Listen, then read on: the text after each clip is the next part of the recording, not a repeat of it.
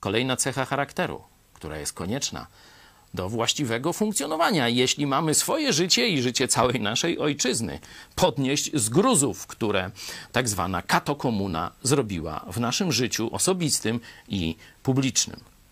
Odpowiedzialność. Odpowiedzialność. Czy się stoi, czy się leży, dwa tysiące się należy. To jest odpowiedzialność socjalistyczna.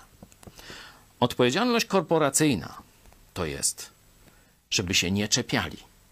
Wykażmy statystyki, wykażmy, że tak powiem, tak, żeby schować to, co się nie udało, żeby się nie czepiali. A jaka jest chrześcijańska odpowiedzialność?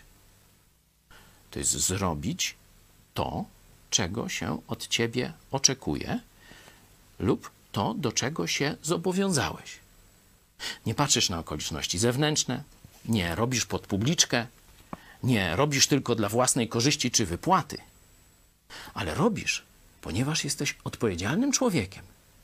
Jeśli jakieś zadanie powinieneś zrobić, czy zobowiązałeś się, ktoś na to czeka, to teraz ty z motywacji wewnętrznej, a nie z przymusu zewnętrznego, finansowego, dyscyplinarnego czy jakiegoś, masz zrobić to, co trzeba. To jest prawdziwa odpowiedzialność.